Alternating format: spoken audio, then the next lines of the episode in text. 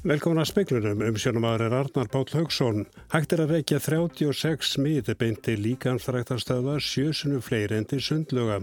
Eigendur líkansræktarstöða gaggrína nýjar sótvarnar ástafanir og telja stjórnvöld hafi ekki að segum mismunun.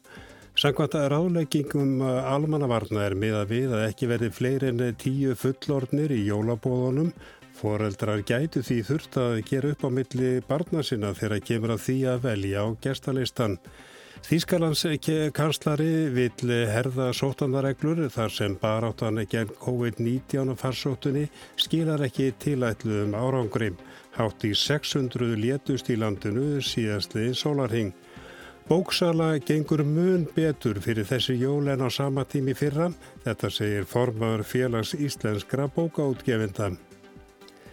Lagmaður Vorklass segir að það þjón ekki hagsmunum líkamsaræktarstöða að fara í mál við stjórnvöld til að reyna að breyta ákvörðinu heilbreyðisáþra um sóttvarnar ástafanir. Tímin sé einfallega of naumur. Hægt er að rekja 36 smitt beint til líkamsaræktarstöða en 5 frá sundlögum. Sundlaugar verða opnaðar á ný með takmörkunum og íþróttamenn með afturfara stunda æfingar sangkvæmt reglugerð heilbreyðisráþar um sóttvarnar ástafanir sem tekur gildi á morgun. Líkamsræktastöðvar verða hins vegar áframlokaðar að minnstakosti til 12. janúar. Þetta hafa eigundur stöðvana gaggrínt og tælja með þessu séu stjórnvöld að gerast segum mismunun. Almennt eigi sömu reglur að gildum sundstaði, líkamsrækt og aðra íþróttaiðkun. Gestur Jónsson, lögumar World Class, segir að ráð þeirra verða raukstiða það sérstaklega, akkur eru sumir fá að opna en aðrir ekki. Það er hens að mjög skrítið að eh, vinni minnir í val, mestarflokkurinn þar getur verið að lifta lóðum upp á hlýðarenda, sér sjálfum til styrtar og hodlustu, meðan að það er öllum almenningi bannað að gera það við aðstæðir sem eru þó miklu betri í heilsurættastofan það er augljóst að það er ekkert jafnbræði þarna með, það byggist ekki á sóttvarnasjónamið sem þarna eru að taka ákvarðanir um. Gestur segir að það borgir sér þó ekki að fara í mál til að fá ákvörðun ráþæra nekt. Það er engin leið að fá tekna ákvörðun um breytingu á þessum reglum með þeim e, vonandi stutta tíma sem eftir er af þessu ástandi sem að nú er ennþá yfir. Það er, er einfallega ekki hægt að fá dóm fyrir fyrir breytingu á þessum reglum á þeim tíma sem að uh, það þurft að gerast á. Sankvæmt upplýsingum frá almannavörnum er hægt að reykja 36 smitt beint til líkamsrækta stöðva en 5 frá sundlögum. Þá er ekki tekið með hópsmittið hjá nefaleggafélagi Kópavóks. Þórólur Guðnarsson, sóttvartalæknir, segir í samtali við frettastofu að það sé ekki aðeins á Íslandi sem líkamsrækta stöðvar síðu metnar í hæsta áhættuflokki. Hann bendir í affranda á að rannsóknir hafi sínt að klórvatnið í sundlögum drepi veruna. Hörskuldur Kári Skrame tók saman.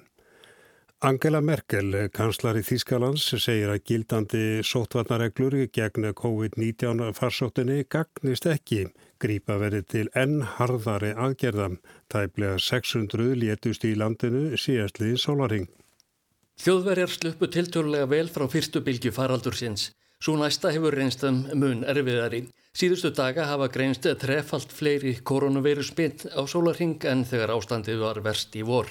Angela Merkel gerði í dag sambandsþinginu í Berlín grein fyrir stöðunni sem hún sagði að færi stöðugt versnandi. Það síndi að sótvarnareglur sem hún og forsætis er á þeirrar sambandslandana 16 samþyktu fyrir hálfu mánuði gerðu ekkert gagn. Það síndi best fjöldi þeirra sem lést síðastlinni sólarhing 590 manns. Við slíkar mannfórnir er þið ekki unað. Vísindamenn við Leopoldína Akademíuna byrtu í gerð tilugur sínar um hertar aðgerðir. Þeir leggja til að allar verslanir sem selja annað en brínustu nöðsínar verði lokaðar frá aðfangadegi til 10. janúar hið minsta. Allir launamenn sem það geta vinni heima, skólum verði lokað og að fólk haldi sig heima yfir hátíðarnar til að stöðva veru síkingarnar. Merkel hvatti landsmenn til að hlýða á viðvaranir vísindamanna, það væri ekki valkvætt hvenar mark væri tekið á þeim og hvenar ekki. Áskýr Tómasson saði frá. Foraldrar gætu þurft að gera upp á milli barna sinna þegar kemur að jólabóðum í ár. Gerðir á fyrir ekki verið fleirinn tíu fullornir í hverju jólabóðum. Já, við hefum svona talað um það að, að, að það fyrir einhver að taka að sér að vera heima og þá einhvern fylgjast bara með í gegnum hérna, fjárfund eða myndtímtali eitthvað svoleiðis en svo er eitt sem var að grínast með hérna á skrifstofun að nú kemur ljós hvaða börn var í uppáhaldi á fólkdram og hver ekki. Þannig að það fólk að gera frá milli barnana sína. Þannig að þið eru að tala um það að það þurfi að, að velja á milli barnana. Já, það má orða þannig eða þá að dreifa því að til dæmis hitta hluta um jól og annan hluta um áram upp. Þetta var Raukvaldur Ólarsson aðstóðar yfir lörglu þjótt hjá Almannavarnadeildi Ríkislörglu þjóra og nánaverði fjallaðum jólabóðu síðar í speklinum. Frumvarpið félagsmálar á þeirra með framfæslu uppbót og engreislu til þeirra sem er á öðrorku og endurhæfingarlíferi var samþygt með 56 samhljóða atkvaðum álþingi dag. Þver pólitíski sátt eru málið og saði Katrin Jakobsdóttir forsætisráþurann við atkvaðagreislunum að málið síndi rétta forgangsröðun. Fagnarefni væra velferðarnemnd alþingis hefði unnið málið hratt og vel. Málið skipti gríðarlega miklu máli. Hátt í 60 nefnundur í þremur bekkjum í laugarnir skóla í Reykjavík eru nú komnir í sótt kví eftir að smiti greindist hjá nefnenda í fyrsta bekk skólans. Í síðustu viku þurftu rúmlega 100 nefnundur í fymta bekk skólans að fara í sótt kví vegna smiðs fara á stafsmanni. Skólastjóri skólans segir að smitinni tengist ekki. Sigriður Heiða Bragadóttir, skólastjóri í laugarnaskóla, segir að ekkert þeirra sem fór í sótkví í síðustu viku hafi grenst með smitt.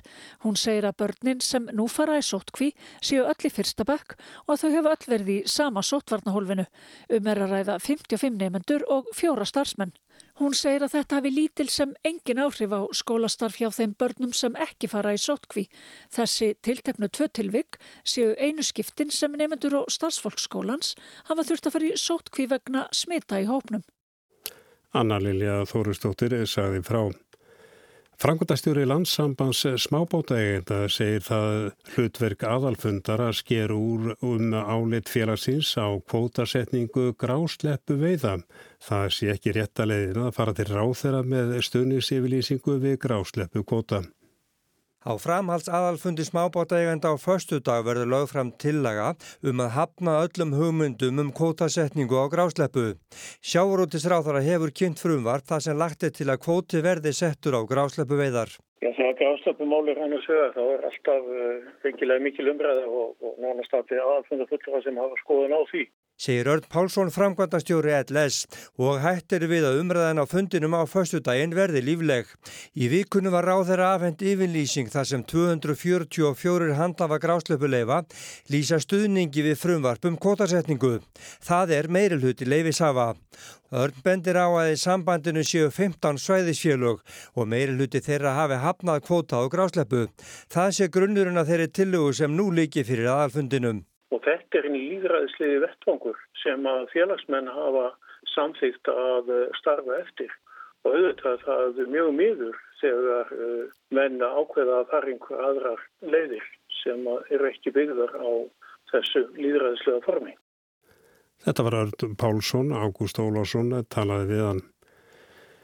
Um 30% fleiri bækur var selst fyrir þessi jól en selst höfðu á sama tími fyrra. Þetta segir Heiðar Ingi Svansson, formadur félags íslenskra bókaútgefenda. Hann segir að bókaútgefendur og bóksalar séu mjög ánaðir með bókavertiðina hinga til. Heri, hún gengur líka bara svona glimrandi vel og hérna, það er bara jákvæða frettir á, öllu vingstöðum að mér, að mér heyrist. Erstu með einhverja tölur? Já, það er alltaf svolítið erfitt að nefna einhverja tölur sem ekki eru, eru vísindarlega mældar en, en svona með það sem ég hef heyrt og það sem ég þóri að nefna er það að, að svona staðan í dag sé svo að, að salan sé cirka svona 30% upp með, með, með því fyrra. Sagði Heiðar Ingi Svansson í vitali við Jóhann Bjarnar Kolbinsson og nána verið fjallað um þetta máli í fréttur sjónvars klukkan 7.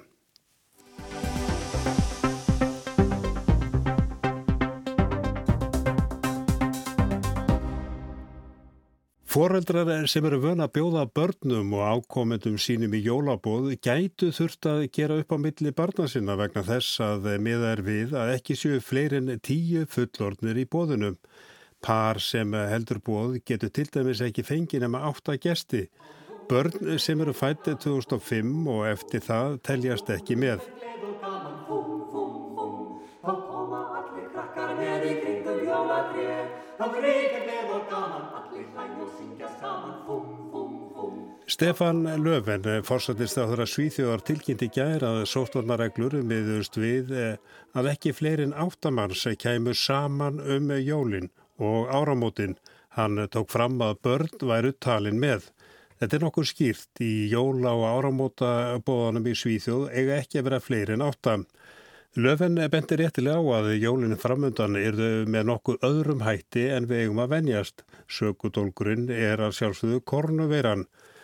Dönsk sótvarna yfirvöld er áleikja landsmönu nú yfir jólina að aflýsa samkomum með fólki sem eh, þeir eru ekki vanir að hitta eða umgangast eh, dagstaglega. Þau miða við að haldin verði alltaf tíu manna jólabóð inn í þeirri tölu er heimilisfólk gerskjafans. Bentir á að hægt sé að senda jólakort eða jólaskilabóð til vina sem venjulega hittast um jól og áramót. Það er allavega ljóst að júlefrúkost sem er aðalsmerki jólana í Danmörkum verður ekki á dagskrá þessi jól. Og normin hafa líka gefið út jólalöfbyrningar eh, þegar kemur að jólabóðunum er með að við að hægt sé að bjóða alltaf fimm gestum heimi við jóla árumót eða frá aðfangadegi fram til nýjástags. Heimilisfólk er ekki talið með.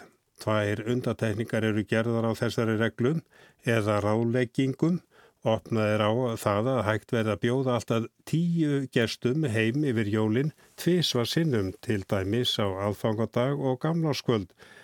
Einsmetra reglan gildir í Nóri og áhersla er lögð á að hún sé viðhöfði jólabóðum þegar sesti til dæmis að snæðingi og þegar gafirnar eru teknar upp. Mismunandi hættustig er eftir landslutum í Nóri ef gestur kemur til dæmis frá rauðu svæði verður hann að viðhalda tveggja metra fjarlag við aðra.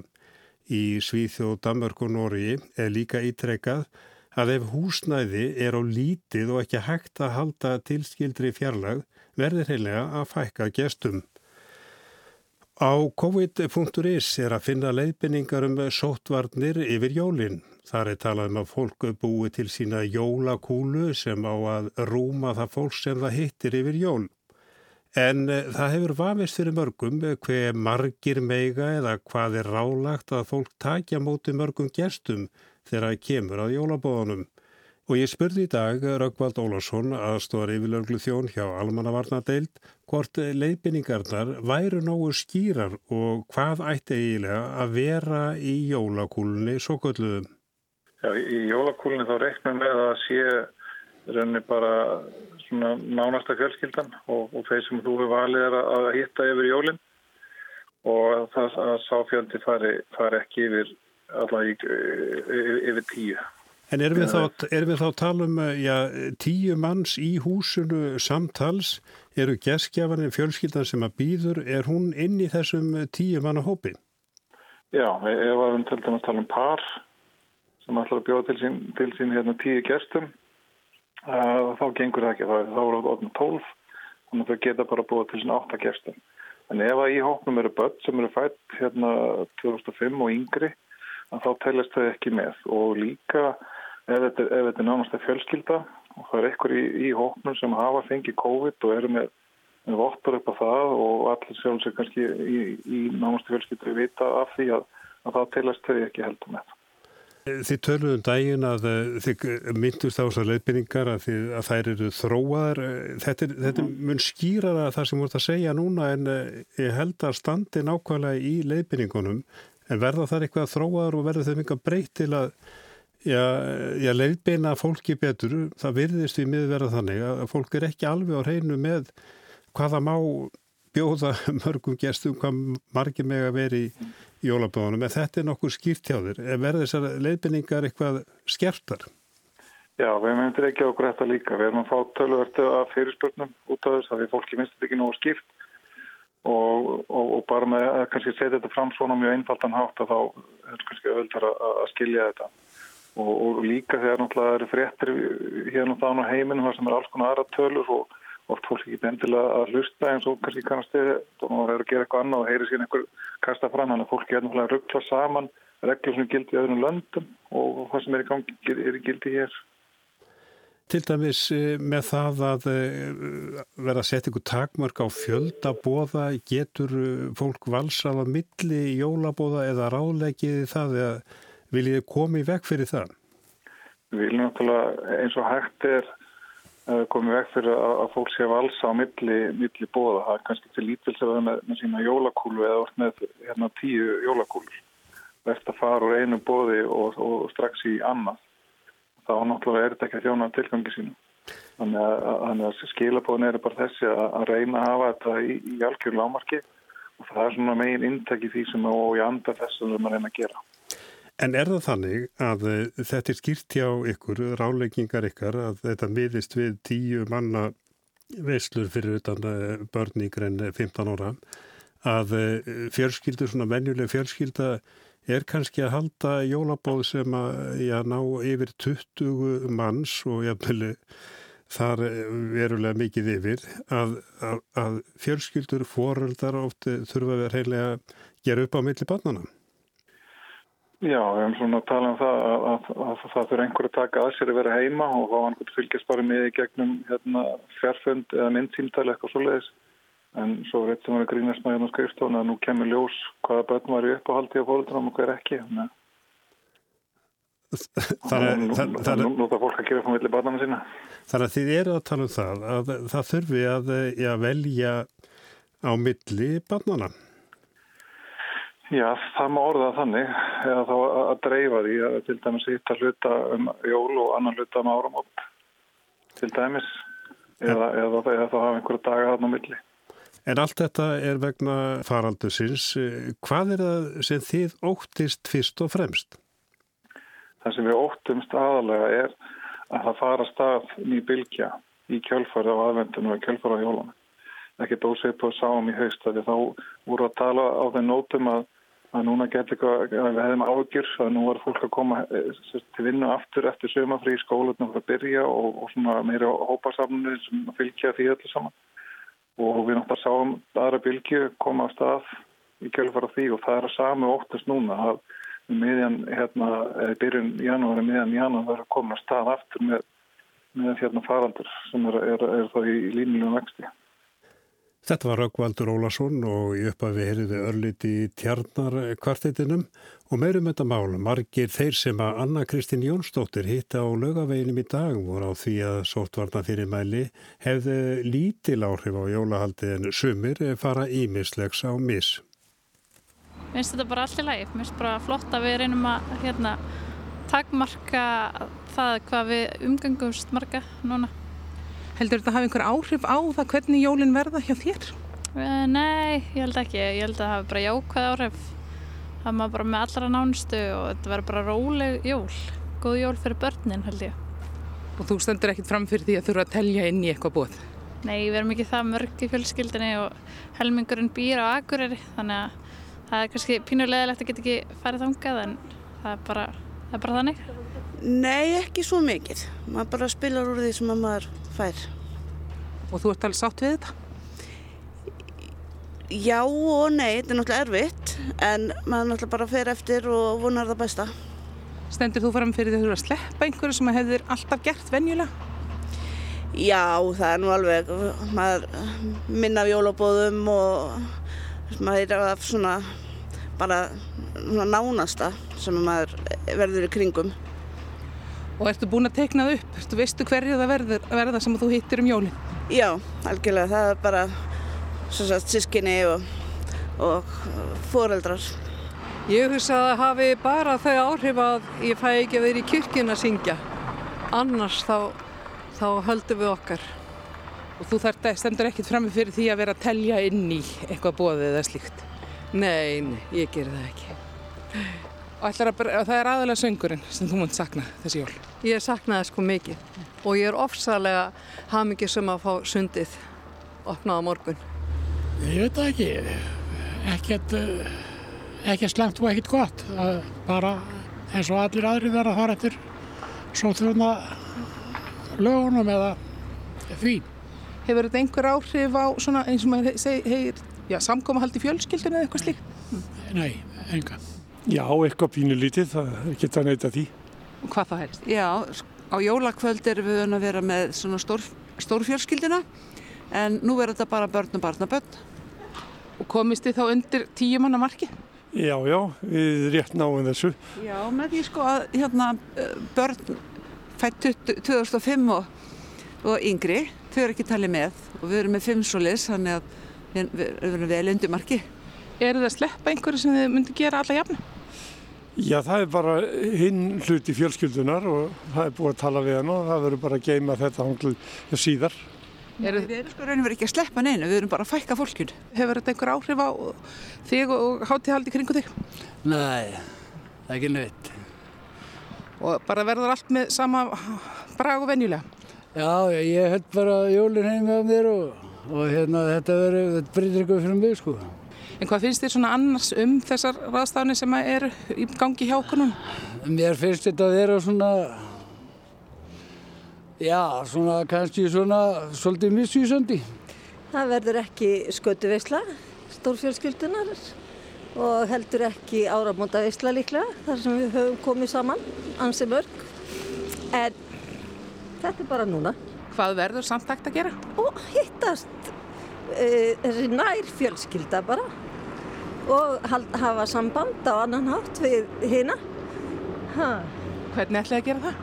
Við erum nú ekki alveg búin að svona ákveða það en ég hugsa að dætu mínar komi nú og með, það, er, það eru tvö börn og það er ekki svo margt. Þannig að við höfum samband við þau. Þannig það var bara ákveða að sleppa stórum veislu? Já, algjörlega. Þetta eru bara þessi jól, svo koma bara næstu.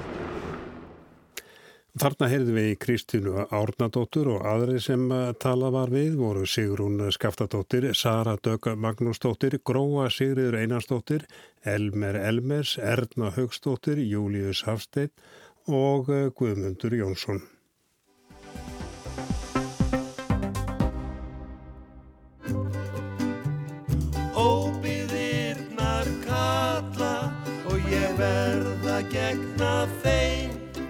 Ég veit ekki hvort eða hvernig eða hvenar ég kemst heim. Óbyðirnar kalla, syngja þeir Magnús Eiríksson og K.K. Og það er óætt að segja að Hálendið hafi kallað á þingmenn í gær þegar fyrsta umræða um Hálendis þjóðgars frumvarpið fór fram á alþingi. Guðmundur Ingi Guðbrarsson um hver viss og auðlindar á þeirra mælti fyrir frumvarpinu sem er stjórnarfrumvarp. Umræðan stóði tæpa nýju klukkutíma og laukum miðnætti. Óhætt er að segja að skoðanir séu skiptar um álið og tæplega hægt að halda því fram að eining sé um frumvarpið innan stjórnarleysins. Innan þingliðs sjálfstæðisflokks og framstofnarflokks eru miklar evasendir um efni frumvarpsins. Því var vísa til umhverfis og sangkungunendar og það á greinlega langa leið fyrir höndum. Af umræðum á alþingi í gæradæma gæti það orðið þrautin þingri fyrir umhverfisar á þeirra sem lagt hefur mikla áherslu á þetta mál að ná hálendis þjóðgars frumvarpinu í gegn fyrir þinglokk og þingkostningar næsta höst. Í stjórnarsáttmála ríkistjórnarinnar frá því í nóvumber 2017 er kveðið á um stopnun þjóðgars á mið hálendi Íslands og frumvarp þess efnis var lagt fram á alþingi þann 1. desember þremur árum eftir undirritun stjórnarsáttmálans. Dröga frumvarpinu voru kynnt í byrjun árs og þá eruðu líflegar umræður í þjóðfélaginu um álið.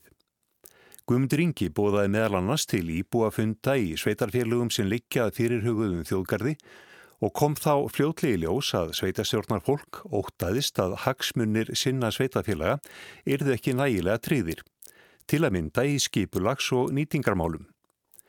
Breytingar voru gerðar á frumarpinu eftir þessa gaggrinni og eftir umsagnir ímissa í samráðskátt. Í tilkynningu umhverfis og auðlindaráðunitisins segir að á miðhálendi Íslands séu einn stærstu óbyggðu víðerni Evrópu og innan þess eru ómetanlegar náttúru og menningar minjar. Í frumarpinu er gert ráð fyrir að þjóðlendur í samegn þjóðarinnar innan miðhálendis línu verði gerðar að þjóðgarði. Gert er ráð fyrir að hálendis þjóðgarður ná yfir um 30% af Íslandi, en um helmingur svæðisins nýtur nú þegar vendar. Þar má nefna Vatnajökulsþjóðgarð, Hofsjökul og Þjórsarver, Kertlingarfjöll, Landmannalögar og Hveravelli. Rannsóknir hafa sínt fram á ótvíræð jákvæð efnahagsleg áhrif friðlýstra svæða, bæði á þjóðarbúið og nær umhverfi svæðana. Reynsla af starfsemi núverandi þjóðgarða staðfestir það. Stotnun Hálendis þjóðgars er þannig talin hafa jákvæð áhrif á byggðað þróun á þeim svæðum sem þjóðgarðurinn tæki til og geta skapað aðtunutækifæri, bæði heima í héræði og á landsvísu, verði frumvarpiða lögum segir í tilkynningu ráðnitsins. Þar segir ennfremur að undibúningur vegna málsins hafi staðið yfir undan færin ár og var meðal annars nefnd þingmanna úr öllum stjórnmálarflokkum og alþingi á samt fulltrúum sambans íslenskara sveitarfélaga falið að skilgreina mörg þjóðgarsins og setja fram áherslur um skiptingu landsvæða innan hans í vendarflokka. Nemndin skilaði skýslu sinnu um málið í loksíðast árs og var frumvarp um Hálendis þjóðgarð kynnt í samráðskátt stjórnvalda í desember 2019. Í tilkynningunni segir að frá þeim tíma hafi ráð þeirra átt viðtækt samráð og samtalum frumvarpið meðal annars með fulltrúum þeirra sveitarstjórna sem eiga landað með Hálendinu. Gert er aðfyrir því í frumvarpunu að núverandi virkjanasvæði á miðhálendinu verði skilgreynd sem jaðarsvæði og er lagt til að þau verði ekki friðlist sem hluti hálendis þjóðgars. Stjórnun þjóðgarsins verður bæði hjá ríki og sveitafélagum og svæðinu verður skipt í sex rekstrasvæði. Hálendis þjóðgarður á að vera sérstökstofnun með stjórn og að meiri hluta skipuð fulltrúum sveitafélaga einum frá hverju rekstrasvæði, aukfulltrúa félagasamtaka og hagsmunnaðila. Við skulum heyra brot úr framsögu Guðmundar Inga Guðbrandssonar um hverfis og öðlindar á þeirra á Alþingi í gær. Ég hef lagt mig fram við að hlusta vel á öllu sjónamið sem komið hafa fram og að ná sem viðtakastri sátt og skilningi um málið. Ólíkt núgildandi lögum um vatnajökulsþjóðgarð þá er ekki gert ráð fyrir í frumvarpinu að einstakar sveitarstjórnir séu bundnar af efni stjórnunar og verndar áætlun og þjóðgarðsins við gerð skipulagsáætlana sinna fyrir landsvæði innan hálendisþjóðgarðs. Þannig hefur kröfum sveitarfélagana varðandi skipulagsábyrðina verið mætt. Hálendisþjóðgarður yrði án efa stærsta framlag Íslendinga til náttúruverndar í heiminum hingað til og myndi styrkja ímynd landsins á erlendri grundu. Þetta tækifæri skulum við ekki láta okkur úr greipum renna. Þetta var Guðmundur Ingi Guðbrandsson á Alþingi í gær. En það voru ekki allir á því að ráð þeirra hefði lagt sér fram um samráð og að ná sem viðtakastri sáttum málið. Stjórnaþingmenn bæði úr sjálfstæðis og franstunarflokki töluði á slíkum nótum að afar ólíklegt má telli að þeir samþykki frumvarpið og breytt. Heyrim í Jónikunna sinni sjálfstæðisflokki fyrirverandi samgöngur á þeirra og fyrsta varaformannin umhverfis og samgöngurendar. Hraði málsins og aðferðafræði við ákvarðantöku og vegum svo ofinbera er fordamulus. Í svona stóru máli að þá er hún fordamulus. Og erum raun og veru alveg galið að við skulum láta okkur detta það í huga. Við getum snýtt þessu hér út á þessum skamma tíma sem áður hefur aldrei hloti fullnaðar afgræslu á hálfu alþingis. Mögulega er hugmyndin ekki góð. Ég heldur endar hún sé góð. Ég er mjög hrifin af því að fara þarna í eitthvað samspil. En um, meðan við höfum ekki greint bókostina, við höfum ekki greint áhrif og aðra hagsmunni, meðan þessi greining hefur ekki farið fram, heldur bara algjörlega einhliða greining, þá getum við ekki svarað þessari spurningu fullnægjandi. Þetta var Jón Gunnarsson og áður heyrðist í Guðmundur Inga Guðbrannsinni og Guðmundur Ingi verður í kastljósunu um þetta máli í kvöld og það var Kristján Sigurjónsson sem að tók pistilinn saman.